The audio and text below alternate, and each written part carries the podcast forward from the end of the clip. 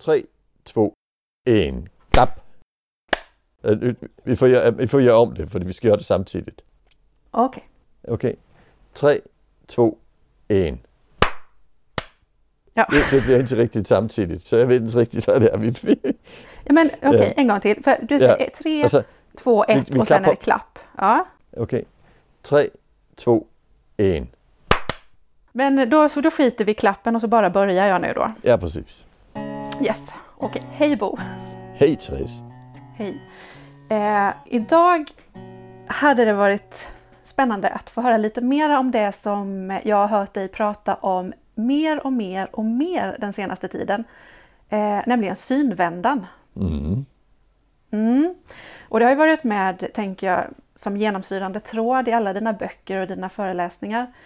Men eh, som sagt var, allt mer så har du börjat lägga fokus och krutet på denna synvända. Och vad är det det handlar om? Vad är det för synvända?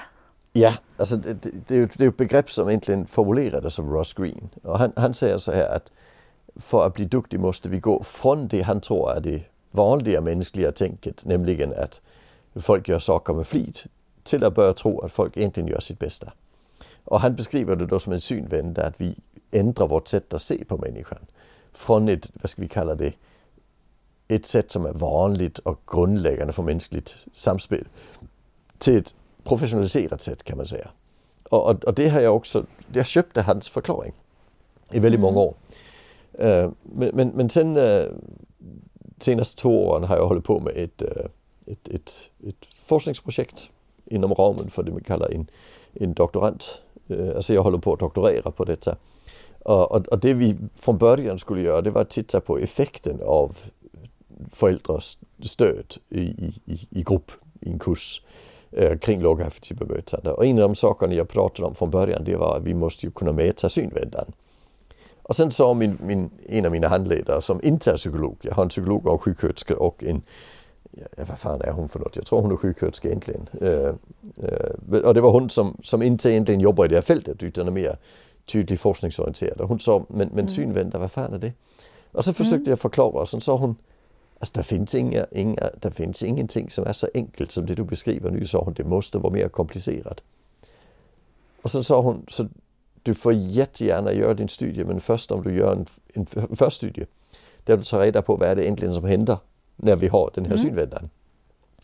Så jag har fått gå ut och göra en, det kallas en, en, en grounded theory-studie och där går man ut och gör långa intervjuer med människor för att försöka ta reda på vad är det som händer när vi får den här för, alltså förbättring i kvaliteten i pedagogiken eller föräldraskapet. Uh, och, och det, här, det här pratar med lite olika uh, personer Mm. runt omkring i världen. Uh, och det man sen gör det är att man tar informationen man får fram i en studie och använder vidare i nästa intervju. Mm. Alltså som man liksom bygger på tills att man upplever att nu har jag tillräckligt mycket. Och under vägen där, där gör man också någon gång på vägen, inte från början, någon gång på vägen en, en litteraturstudie i forskningen för att titta på vad säger forskningen egentligen. Men det är dumt att börja med den, man ska vara öppen för vi ska ju hitta något nytt liksom. Så den, den, den har jag genomfört och eh, har också håller på att skriva ihop den. Eh, jag har framlagt den på en konferens och håller på att skriva ihop den till till en större sammanhang. Mm. Eh, men det jag har kommit fram till där, det är att det är inte så enkelt som Green han sa. Det är helt rätt. Eh, det finns en, en gubbe nere i Tyskland som precis går till pension nu som heter Michael Tomasello. Eh, Han var professor och institutionsledare för Max Planck-institutets eh, avdelning för evolutionär antropologi. Han är psykolog, han har sysslat med att ta reda på vad är det genuint mänskliga. Det han säger där, det är att vi människor är flockdjur. Alla, allt det som är genuint mänskligt handlar om att vi samverkar. Vi är jättebra på samarbete och vi skyddar oss själva i samarbetet på olika vis. Eh, och sen säger han och moralen är ett resultat av detta. Eh, och då säger han för att en flock ska funka är det två typer av moral som ska vara på plats. Den ena det är att jag måste kunna lita på att om jag bryter benet då tar flocken hand om mig. Och den andra, alltså, det kallar han ju grunden för etiken, alltså vi tar hand om den svaga. Eh, Och sen säger han också, och sen finns det den andra, jag måste kunna lita på att flocken gör sig av med de som sabbar för flocken. Alltså är det någon som, som liksom dödar andra, då gör vi oss av med honom, han får inte vara med längre. För annars mm. är det risk att flocken går under. Vi får gärna döda fiender, men börjar vi döda varandra inom flocken, det, det funkar inte. Så där, där har vi en mekanism vi kallar moralisering. Som gör att vi stoppar folk i finkan och slänger ut dem ur klassrummet och så vidare. Och han säger att det är den andra delen av mänskliga moralen. Och sen säger han båda dessa är med oss hela tiden. Green han sa ju, vi går från att tro mm. att folk gör det med flit till att tro att folk gör sitt bästa. Och lägger vi in mm. det i Tomasellos ram så säger han, nej, vi tänker kanske först att folk gör det med flit och att de borde uppföra sig. Uh, men vi har den andra tanken också. Uh, mm. och, där, och där gäller det att vi definierar personen som den svaga. För att det ska mm. funka. För om vi definierar personen som svag eller sårbar, då vet vi att vi ska ta hand om den. Definierar vi den som stark och autonom, då finns det risk att vi tycker att han ska fan uppföra sig, annars får han inte vara med. Mm. Øh, så synvändan handlar egentligen om att tvinga oss att tänka på det ena viset av de två vi har. Kan man säga. Just det, att slå på och slå av olika glasögon på något sätt. Ja precis, för vi har båda två på oss hela tiden. Ja, Men sen, sen när gjorde litteraturstudien hittade jag forskning som tyder på att alltså den, den, den ena modellen den, den går snabbare än den andra äh, i hjärnan. Mm. Så, så mm. det, det här med det, det, det moraliska pop-out-effekten bland annat har beskrivits som äh, att, att varje gång vi ser ett beteende så gör vi en snabb bedömning om det är ett okej okay beteende eller det är något som gör att personen egentligen inte borde vara med. Så mm. den sidan av modellen vi kallar moraliserande, den är snabbare i hjärnan. Så, så, så det kan, synvändarna kan ju vara att vi tvingas trycka ner den här tanken. Mm. Sen, sen i de här intervjuerna jag har gjort, där har jag kommit fram ett system, eller ska vi kalla det ett cirkelrörelse i detta. Som funkar på det viset att Alltså det, om, om, du, om du börjar med en utgångstanke. Det ena det är mm. han ska fan uppföra sig. Han kan om han vill. Han ska lyda. Mm. Och den andra det är att han gör sitt bästa. Han är sårbar. Det blev inte så bra. Eh, båda två handlar ju om i, bör, alltså i första nivån om det vi kallar kontrollabilitet. Kan personen kontrollera sina handlingar? Antingen tror vi han mm. kan eller också tror vi han inte kan. Och det sättet vi bedömer det på avgör sen massor med saker. Det första det avgör det är nyfikenheten. Om jag tror mm. att han, han gör det med flit så börjar jag inte fundera på om han Alltså vad det är han inte kan. Utan jag tror Nej, han, men, men alltså mm. jag tror han gör sitt bästa, det blev inte bra. Då börjar jag genast bli nyfiken på vad det var som inte funkade. Mm. Nästa steg där det blir ju att för att förstå det måste jag tillämpa min empati.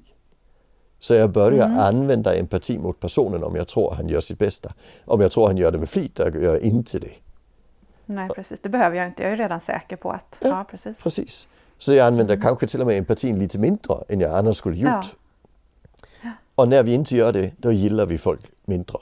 Vi gillar folk där vi förstår dem och kan sätta oss i deras ställe och vi upplever att de är lite som oss själva. Øh, mm. och, och, så ökad empati innebär att vi gillar personen, minskad empati innebär att vi ogillar personen.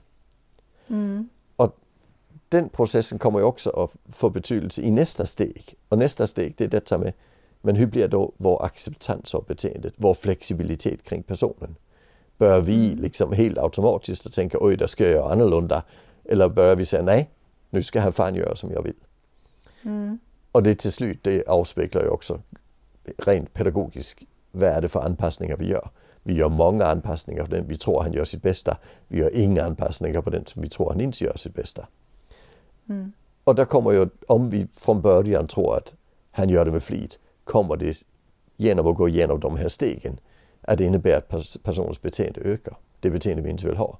Men om vi tror mm. han gör sitt bästa, där kommer de här stegen att innebära att anpassningen ökar och därför kommer personen att göra min mindre av det beteendet. Så det blir ju en ond cirkel och en god cirkel vi är i så att säga. Mm. Och de här två cirklarna finns i oss hela tiden. Det är det som är det spännande mm. i det. Just det, och vad skulle kunna liksom underlätta för den här ja, antingen den goda cirkeln eller den onda cirkeln, liksom att få snurr. Vad finns det för mekanismer som gör att jag trillar dit i så fall och börjar tänka det där? Ja, men det, det är många, eh, många saker. Ja, det, det är många mm. saker. Alltså dels kan det vara en grundläggande föreställning. Uh, mm. Alltså det kan vara rent faktiskt, alltså som jag är neuropsykolog, min grundläggande utgångspunkt är ju alltid att beskriva vad det personen inte kan. Det är det vi sysslar med i neuropsykologin. Och där tror jag att då har jag räddat situationen. Nu har de förstått att han kan inte, då är, det ju, då är vi inne i den goda cirkeln, det funkar. Mm. Uh, och medan på andra sidan om man så tror att han kan, det är det vi träffar på mycket i handledningen. Folk säger att han kan om han vill. Där mm. måste vi ju ändra den föreställningen. Det är ju, det är en föreställning kan man säga. Men mm, där, en föreställning om faktiska förmågor helt enkelt. Ja, det, det är ju ett, yep. en, en sak som påverkar. Mm. En annan sak det är ju att om du är stressad då finns det större risk. Och det tror jag att mekanismen är att det är en, det är en kognitiv process att undertrycka den snabba tanken för att vara kvar i den långsamma. Om vi säger att den snabba tanken är att han gör, sitt bästa, att han gör det med flit och den långsamma mm. att han gör sitt bästa. Uh, mm. Den här moraliska pop-out-effekten. Det är lite komplicerat att ta det på ljud bara. Det är bra när man kan visa också. Uh, men har man den, den där, undertrycker man den snabba tanken, där kan vi ju bara det om vi är ostressade. För det är en kognitiv process. Att undertrycka Ja, man måste något. ju ha en liten distans till situationen och kunna ja. se på den lite utifrån och kunna reflektera. Ja. ja. Och, och, så stress kommer ju att sabba den här så att du hamnar i fel cirkel, alltså i en mm. undercirkel. Det, det, är en faktor. Mm. Men sen är jag mer intresserad i, men vad är det som gör om vi ska starta upp den goda cirkeln? Så först så ska vi då mm. minska stressen. Uh, sen det nästa det är att jag som neuropsykolog går in och säger vad han inte kan. Men jag har också mm. upptäckt att folk som jobbar med en pedagogisk bakgrund, de brukar istället gå in och säga, nej men gör så här. Gå in och gör så här istället. Och när jag har jobbat med Studio 3, alltså fysisk hantering, så tränar vi ju personal i det och då kommer de ju till insikt igen av den fysiska hanteringen också. För det är ju en anpassning okay. av situationen. Så, det finns så genom ju... att bara göra på ett annat sätt så kan man hamna i den goda cirkeln? Ja, också, det, mm. det, det kan också göra, för det är en cirkelrörelse vi är inne i. Och, och sen mm. det som jag tycker är allra mest fascinerande det är att om det är en person vi gillar, mm. då är det mycket lättare att hamna i den goda cirkeln än om det är en vi ogillar. Så mm. i de här stegen som var i den här cirkeln, där jag gillar var ju ett av stegen också. Men, men den, den vägen går också. Så det handlar ju om att hitta många olika sätt att starta den här goda cirkeln, den processen att, som, som hela tiden ska vidmakthållas. Och sen hålla stressen borta under tiden som, som vi cementerar det här sättet mm. att tänka kan man säga. Precis. Eh, kan, eh, vi pratar ju om det här som att det är någonting som man faktiskt aktivt arbetar med. Kan alla göra en sån här synvända tänker du? Alltså, jag upplever att vissa har svårare än andra. Jag vill nog aldrig mm. säga att, att det är någon som inte kan. För jag, har, jag har däremot upplevt att, att några de, de måste hela tiden göra det på anpassningsnivån, alltså på metodnivån. Eh, mm. För, för de kanske inte kan ändra sin grundläggande föreställning lika enkelt. Men om Nej. de hela tiden gör rätt, då blir det ändå rätt i slutändan. De behöver lite mer stöd för att upprätthålla det än de som, där vi kan börja i den andra änden. Men, mm. men, men, men, men, i princip tycker jag, tror jag att alla kan ändra sig. Sen upplever jag folk som, som egentligen säger att jag vill inte ändra mig, jag tror att människan funkar på det viset. Uh, mm. Och, och det, det, har jag funderat lite på och jag har kontakt med en forskare i England som heter David Agnan. Han har sysslat lite med det här med forskning i kontrollabilitet. Alltså, tror vi att personen gör det med flit eller tror vi att han gör sitt bästa? Och vi försöker mm. få fram lite siffror från honom. För det verkar vara så på de siffrorna vi har tillgång till nu att det är en normalfördelning. Uh, men mm. det betyder alltså att de flesta av oss vi har en tendens att gå åt ena hållet eller andra hållet ungefär lika ofta. Mm. Men det finns någon som har en tydlig tendens att tro att folk gör sitt bästa och det finns andra som har en tydlig tendens att tro att folk gör det med flit. Mm. Generellt i hela, hela sitt liv. Mm. Uh, och, och, det är ju lite spännande. Uh, alltså, för, för, det betyder att de som tror att folk gör det med flit, de är, har ju en, det är ju mer uppförsbacke för dem att göra den här förändringen. Mm. Och, och, det som jag egentligen är intresserad i det är ju, kan vi mäta? Kan vi mäta lämplighet i pedagogisk arbete, vård och omsorg? Kan vi mäta föräldrakompetens enbart på sånt? Det skulle vara jättespännande tycker jag. Ja, det låter lite svårt för vilka parametrar skulle man ha med då? Ja, men, men det är ju bland annat kontrollabilitet. Alltså, vi kan mäta en ja. grundnivå. Alltså, framförallt vill jag ju kunna mäta det för att kunna mäta framgång. Mm. Alltså, jag hoppas ju inte vi kommer fram till att vi mäter folks föräldraförmåga och sen får de inte skaffa barn. Det blir inte riktigt bra. Nej. Nej men, men, men, men däremot i rekrytering av personal kan det vara ganska bra. Har du, jobbat, har, du, har, alltså, har du jobbat tio år i omsorgen och fortfarande har en grundläggande föreställning om att folk gör fan inte sitt bästa, ja, då ska du inte jobba där. Alltså, mm. det, det, så, så där, där, kan det vara relevant. Men annars är det primärt kan vi mäta en utveckling. Det skulle vara jätteintressant. Mm. Och det är det, det avhandlingsarbetet ska mynna ut i. Att vi rent faktiskt mm. mäter en utveckling. Mm. Sen är Sen är jag lite mm. intresserad i metoder som understödjer det andra tänket. Eller metoder mm. som inte har någon åsikt. Uh, mm. Alltså det, det, är ju lite spännande. Det finns metoder som inte har någon åsikt om, om detta. Uh, men, men som där målet oftast uppställs som att vi ska få honom att lyda. Alltså, mm.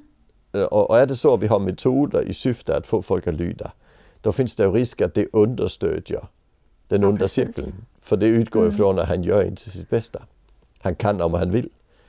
Uh, och, och, och, och, det är där det blir riktigt besvärligt för det innebär att det är väldigt, väldigt svårt att få en bra utveckling om vi mm. lägger in en sån metod i verksamheten. Mm. Det, det, är väldigt, väldigt det, viktigt. Det är, en metod, ja. det är liksom en metod som gör att det hjulet bara snurras igång där. Ja. Japp. Mm. Och, och de metoderna, eh, alltså jag, jag brukar gå just på målet. Alltså, eh, och det finns alla möjliga, jag, jag har läst enorma mängder litteratur vid det här laget om barnuppfostran. För det är det mm. jag, forskar, jag forskar på, hur, hur gör vi när vi har barn med särskilda behov? Uh, och mm. när vi tittar på den litteraturen, det är det böcker som i, på ytan ser humanistiska ut men i grunden handlar om hur får vi barn att lyda? Uh, och mm. de, det blir inte bra i längden. Utan det, vi, alltså, där, där, finns ju forskare som en som heter Ellen Skinner och en annan som heter, uh, då, vad heter hon? Hon heter Golnick, uh, Wendy Golnick. Mm, Wendy. Mm. Ja, och de pratar båda två om det här med att är målet autonomistöd eller är målet lydnad? Mm. Uh, Skinner kallar det till och med coercion, alltså metoden är att pressa barnet. Mm. Alltså har, jobbar du med en grundläggande föreställning om att man måste pressa barn för att de ska prestera. Uh, mm. Där jobbar du inte med att barnet tror att barnet gör sitt bästa. Alltså, så, så, så, så, det är inte, vi ska ju hitta de metoderna som som handlar om lydnad och press och de andra metoderna som handlar om autonomistöd. Uh, och, och de med autonomistöd understödjer det, det bra hjulet, den goda cirkeln, medan mm. de andra de understödjer det negativa. Och där är det framförallt målet jag, jag letar efter i metoderna. Alltså definieras metoden utifrån att hur får vi honom att göra som vi vill?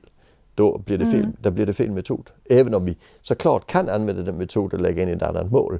Men har man inte mm. gjort det som grund i början då är det svårt att upprätthålla det när man blir stressad.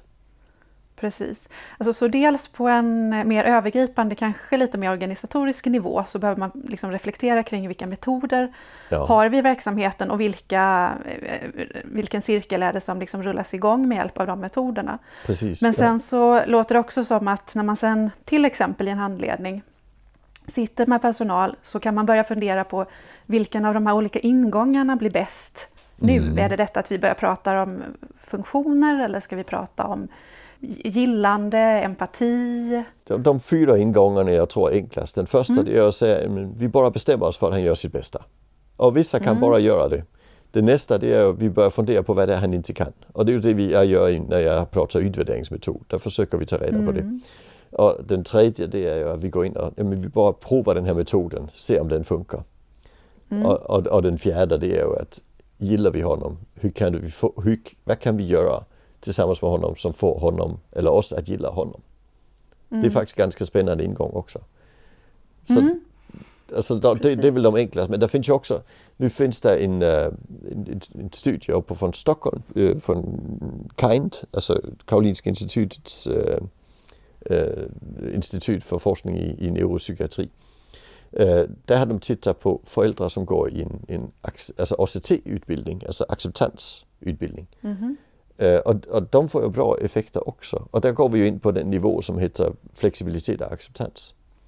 Mm. Alltså, så, så, vi kan också gå den vägen i princip. Alltså, mm. så, och man skulle, det finns väldigt många föräldrastödsmetoder som bygger på empatin. Alltså ICDP och de här uh, metoder som mm. bygger på, det, det, är väldigt mycket empatistöd man, man sysslar med mm. det. Det finns även de här uh, Circle of Security och de här. Det är ju mycket där man liksom fokuserar uh, just på empatin. Mm. Så, så det, jag tror de finns ju också. Det är bara inte mina verktyg för jag sysslar med de två. Alltså varken med acceptans som metod eller med de här mm. mer dynamiska. Men, men det är ju ingångar till samma sak. Så jag tror det. att det så... finns väldigt många ingångar. Ja, och sen den ingången som, du, som vi pratat lite grann om i början, som handlar om stress. Ja. Eh, ja, och, och, att, att, ja, och, dra ner på stressen. Precis, och det vet vi att de metoderna också, de här metoderna, både ICTP och Circular Security och ACT är ju också metoder som hjälper folk att bli mindre stressade. Ja. Øh, så det är mycket möjligt att det, det är en del av påverkan det också. Alltså jag, jag är ganska konkret när det gäller det. Men hur gör vi en mindre stressad stress imorgon? Ja, vi går upp lite tidigare, vi förbereder frukosten innan vi väcker barnen. Alltså, det finns ju alla möjliga sätt att undvika stress mm. på som är rent praktiska, som inte handlar så mycket om behandling. Øh, mm. Så, så det är absolut också en ingång, absolut. Mm. Mm. Spännande. Eh, men det här är någonting som du jobbar på just nu, yeah. hela den här forskningsbiten. Så. Yeah. När, eh, vad har du för, hur ser framtiden ut när det gäller det? Vad, när tänker du att det börjar närma sig något riktigt resultat? Ja, men alltså det, det, vi har gjort den här förundersökningen, mm. eller pilot, øh, och den är ju det vi kallar en kvalitativ metod. Sen ska, nu ska den då øh, igenom det man kallar en fokusgruppstudie där vi då presenterar modellen för en del olika personer och, och lyssnar på vad de har att säga till varandra om det. Øh, mm. Och, och, och, så första steget det är ju den här grounded theory-studien. Sen kommer den här fokusgruppstudien, båda de är kvalitativa. Uh, mm. och, sen, och sen börjar vi ju mäta uh, på uh, en föräldrakurs vi har i Skåne bland annat, som heter Ett annorlunda föräldraskap. Och där börjar vi mäta på de här olika faktorerna. Där ska vi då följa alla föräldrar som ingår i, i, den, i den kursen i hela Skåne under ett år. Och sen ska vi följa mm. dem upp till ett halvår efter kursen för att se om det är bestående resultat. Det, det, det är liksom målet och det blir då en kvantitativ studie med statistik och så. Mm. Och, och, det blir då en, samlat till en doktorsavhandling. Mm. Så det, men men för, för, mig är det inte så intressant. Det intressanta det är ju att, att få fram det här. Jag är så gammal så jag kommer inte ha nytta av att ha en, en doktorat. Utan det viktiga det är ju att, att vi får den här kunskapen. Hatt. Ja, alltså jag, det är till och med så att jag forskar i England så jag får en sån här konstig fyrkantig hatt och en lila äh, rock. Äh, ja. Ja, inte precis. så användbart. Ja. Nej, det är inte så användbart. Jag får inte mer betalt för att jag är doktor heller. Alltså, så det, det enda det är att jag kan kräva att folk kallar mig doktor Elvin istället för herr. Alltså, men men ja. annan nu tar jag inte jag av det. Så det handlar mer om att vi måste få den här kunskapen ut och det är därför jag har valt att göra det på det viset. Ja, ja precis. och det är jättespännande. Så all lycka mm. till med det. Tack så mycket.